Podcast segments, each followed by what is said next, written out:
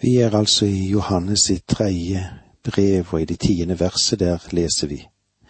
Når jeg kommer, skal jeg sørge for at han blir minnet om hva han har gjort, for han farer med ondsinnet sladder om oss. Men han nøyer seg ikke med det. Selv nekter han å ta imot brødrene, og når andre vil gjøre det, hindrer han dem og støter dem ut av menigheten. Dette er jo et fryktelig budskap som Johannes kommer med på en måte. Han irettesetter og vil irettesette han som farer med å hindre Guds fremgang. Verset er en bedrøvelig oppregning av det Diotrefes har holdt på med i menigheten, og mot det som apostelen gjerne ville at de omreisende predikanter skulle få lov å komme med. For det første så driver han med baktalelse. Han baktaler oss med onde ord. Han farer med ondsinnet sladder om oss. Og så nøyer han seg ikke bare med dette. Han vil ikke ta imot misjonærene eller brødrene, og han hindrer de som vil være med å ta imot dem. Ja, disse misjonærene sine gode venner og støtte, de blir underlagt kirketukt og utstøtt av menigheten. Hva kan vi kalle dette for? Despotisme. Derfor er det ikke å undre seg over at Johannes føler seg tvunget til å legge dette offentlig frem for menigheten når han kommer. Derfor vil jeg når jeg kommer, minne om de gjerninger som han gjør. Slike tilstander i menigheten kan ikke få lov til å fortsette. Johannes vil med hele sin apostoliske autoritet gripe inn når han møter menigheten personlig. Vi skulle kanskje hatt litt mer av dette òg i vår tid, ta oppgjør og være villig til det. Johannes, han ble jo kalt for kjærlighetens apostel. Det er jo det vi ønsker kanskje å si men vi skal òg vite at Jesus kalte ham for Tordens sønn. Og det skulle ikke undre meg om han hadde en liten storm med lyn og torden da han ankom denne menigheten. For han ville ta seg av Diotrefes. Og det er leit at vi som troende er for unnfallende, og vi lar menighetene få lide for det de ikke burde lide for vers elleve. Mine kjære, ta ikke det onde forbildet, men det gode. Den som gjør det gode, er av Gud, den som gjør det onde, har ikke sett Gud. Johannes han oppmuntrer Geios til å fortsette å gjøre det som er godt. Og igjen understreker han at den som praktiserer rettferdighet, er et Guds barn. Men den som ikke praktiserer rettferdighet, er ikke Guds barn. Demetrius, en troverdig broder. Nå kommer vi altså til den tredje mannen her, han som heter Demetrius. Han er en elskelig kar. Du kan nesten ikke hjelpe, men du gleder deg over ham, og du blir glad i ham. Gaius er en elskelig bror. Diotrefes, han er en diktator. Og nå skriver Johannes om Demetrius at han er en troverdig bror. I vers tolv. Om Dimetrius har alle bare godt å si, ja, sannheten selv vitner for han. Det samme gjør vi, og du vet at vårt vitnesbyrd er sant. Heldigvis er det i menigheten bedre forbilde enn den despoten som vi har vært innom, Diotrefes, og Johannes gir en varm anbefaling av Demetrius. Vi vet ikke hvem han er.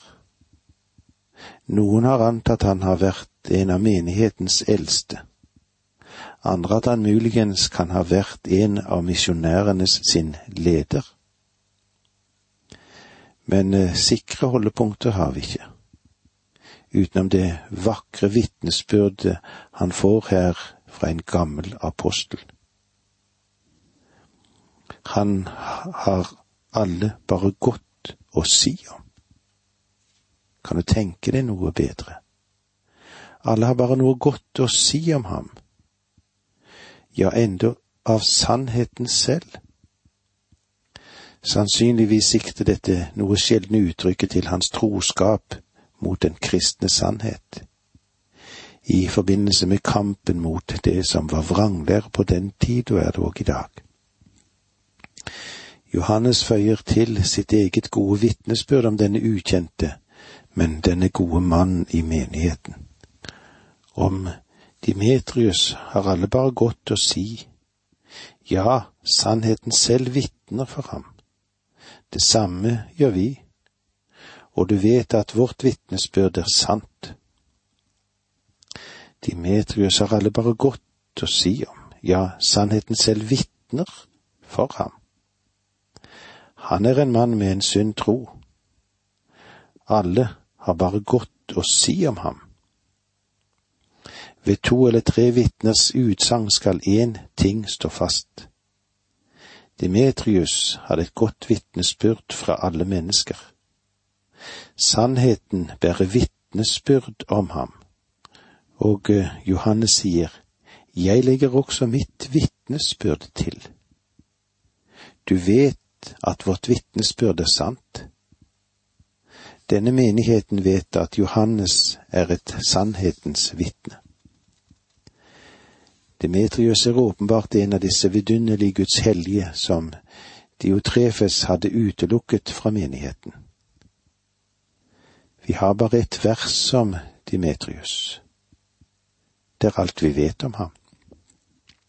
Han ble aldri verken før eller senere nevnt i Bibelen. Men dette ene verset i Bibelen gir oss en innsikt i en kristens karakter, ja, av høyeste karat, en av Guds hellige. Vi finner ikke spor av opplysninger om han noe annet sted. Navnet hans, det betyr tilhører Dimeter, og det er det samme som Ceres, altså jordbruksguden. Dette identifiserer ham som en som er omvendt fra hedenskapet. Det er sannsynlig at han var oppfostret i et hedensk hjem og tilbar grekernes og romernes gud.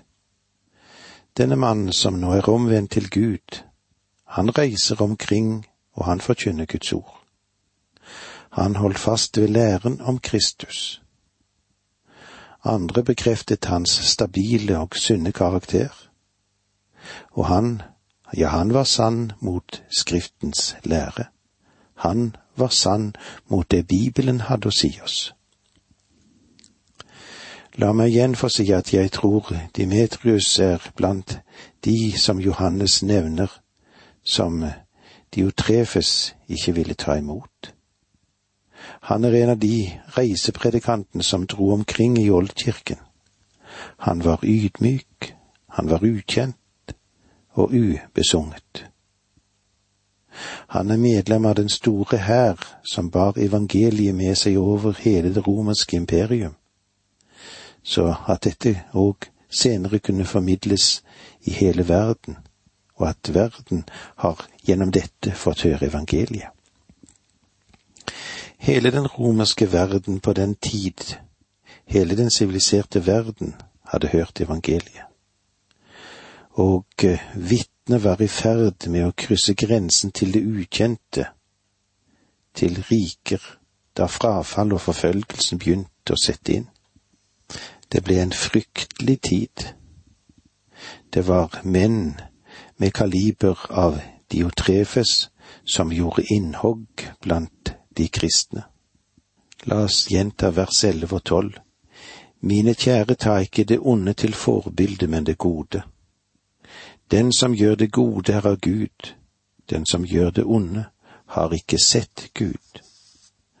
Om Dimetrius har alle bare godt å si. Ja, sannheten selv vitner for ham.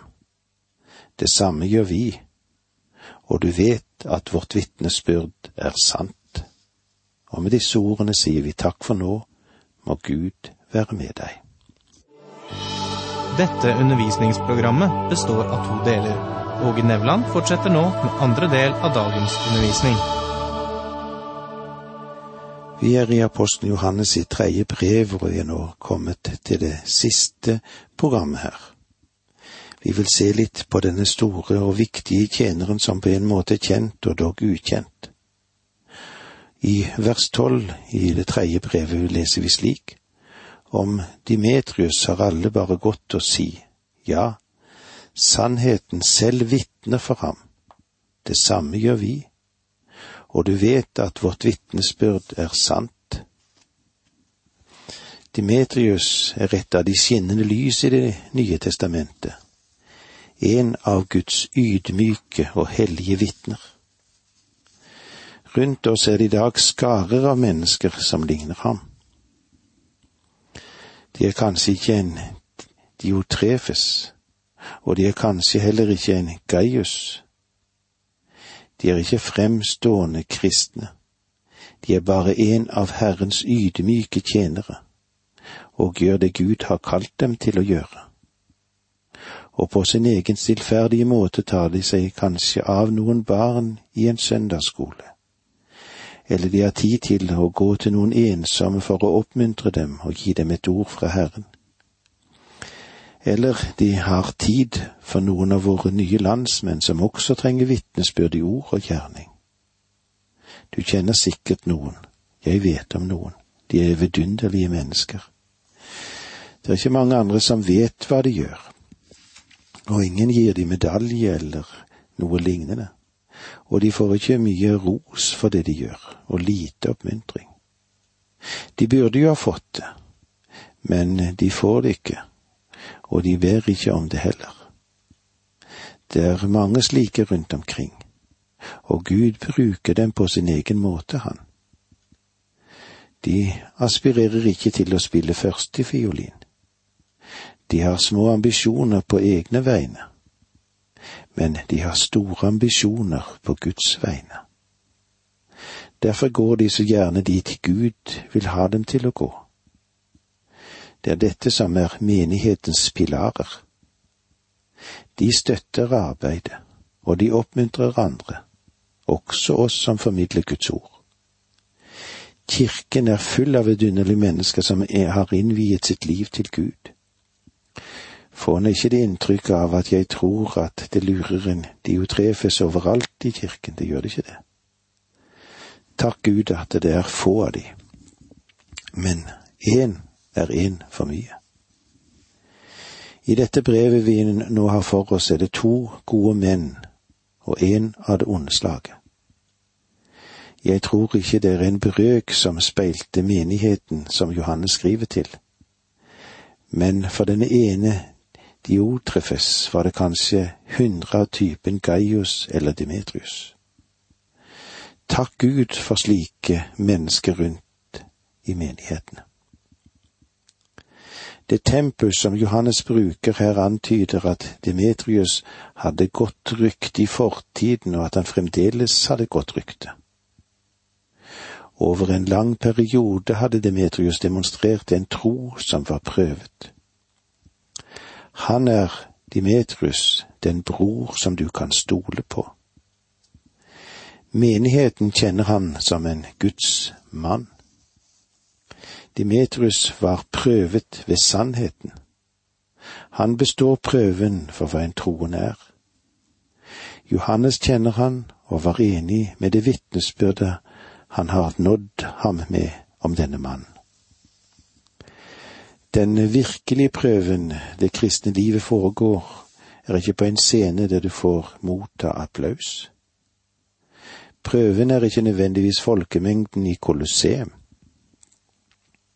Det var fem millioner martyrer som bar vitnesbyrde til sannheten i evangeliet i de første 300 år. Mennesker som ga sitt liv for Kristus. Men visste du at det var langt flere som bar vitnesbyrde ved trofast å leve kristenlivet hver dag? Ikke noe ekstraordinært, ingenting som var sensasjonelt, ingenting uvanlig. de bare levde for Gud. De hadde en, et, en hensikt og et mål. De hadde én retning. De hadde én personlig erfaring. Vår sivilisasjon opplever en dedakanse som karakteriserte rom i det første århundret. Inn i dette dekadente samfunn med sin lave moral og sin pulveriserte karakter. Der kom budskapet fra Gud om at han hadde gitt sin sønn, og det var skare som kom i kontakt med ham og lot seg involvere. For jeg sier til deg at du kanskje ikke finner deres navn nevnt på de gule sidene, men du vil finne dem i livets bok hos lammet. De levde for Gud, ukjent for verden. De døde relativt ukjent for verden, men de er kjent av Gud, og deres navn er risset inn der. I vers 13. Jeg har ennå mye å si deg, men vil ikke gjøre det i brev. Selv om han skrev et evangelium og åpenbaringsboken, og to, som er to av de lengste bøkene i Det nye testamentet, så sier Johannes her at han heller vil si tingene muntlig enn å skrive det til dem. Vers 14 og 15 For jeg håper å besøke deg snart så vi kan snakke sammen. Fred være med deg. Vennene her sender deg sin hilsen. Hils selv vennene, hver enkelt av dem. En dag skal det være sant også for deg og for meg. Vi skal få lov til å kunne samtale med Johannes ansikt til ansikt. Jeg vil gjerne tale med ham litt om disse bøkene som han skrev. Det er en del spørsmål jeg vil stille ham. Men selvfølgelig, han henviser til at han vil komme og møte denne menigheten ansikt til ansikt.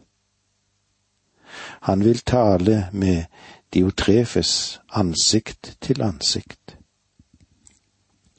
Og jeg synes nesten litt synd på Diotrefes jeg tror han fikk det så ørene flagret, som det heter i våre dager. Og Johannes, han vil også tale med Gaius og Demetrius, disse vidunderlige Herrens representanter. Han sier, Jeg håper å besøke deg snart, så vi kan snakke sammen. Fred være med deg.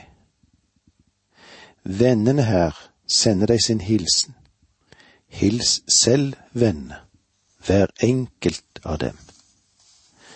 Er ikke dette en vakker måte å avslutte brevet på? Johannes sier, Jeg vil at dere skal vite at våre venner som er her sammen med meg, hilser dere. Og jeg vil at du skal hilse vennene ved navn. Gå og si til Demetrius, Demetrius, jeg har en hilsen til deg fra Johannes. Han ønsket å gi deg en spesiell hilsen og si til deg at han kommer hit over om ikke så lenge. Gaius, Diotrefes og Dementrius. Dette er de tre menn som stilles frem for oss i dette lille brevet. Kristendommen var på prøve i det første århundret. To av de menn som blir nevnt her i dette brevet, er hederlige og ekte. Ja, de er virkelige og vidunderlige Guds barn. Den ene er en elsket broder. Den andre er en troverdig broder. Men den tredje, han er en diktator og en misforståelse. For jeg sier til dere at evangeliet gikk på to ben i det første århundret over hele det romerske imperium. Og evangeliet trenger å få ben å gå på også i vår tid. Vi må få evangeliet ut, men det må skje med troverdighet. Skal Du ha modeller for hvordan dette kan gjøres, så husk på Gaius og Demetrius. Tross alle vanskeligheter er det kristne vennskapet bevart usvekket. Ja, det er en stor styrke for en kjempende menighet. Og ikke mindre for ham som satt fremfor noen som var satt til å bære det tunge, det åndelige ansvar. Høvdingen over apostelen, om vi kan si det slik, apostelhøvdingen Johannes. Han som var både kjærlighetens, troens og tordenens apostel. Og det var så langt vi fikk vandre med han gjennom dette brevet. Må da takk for vandringen sammen med oss. Må Guds nåde og fred og velsignelse hvile over deg og dine. Takk for nå.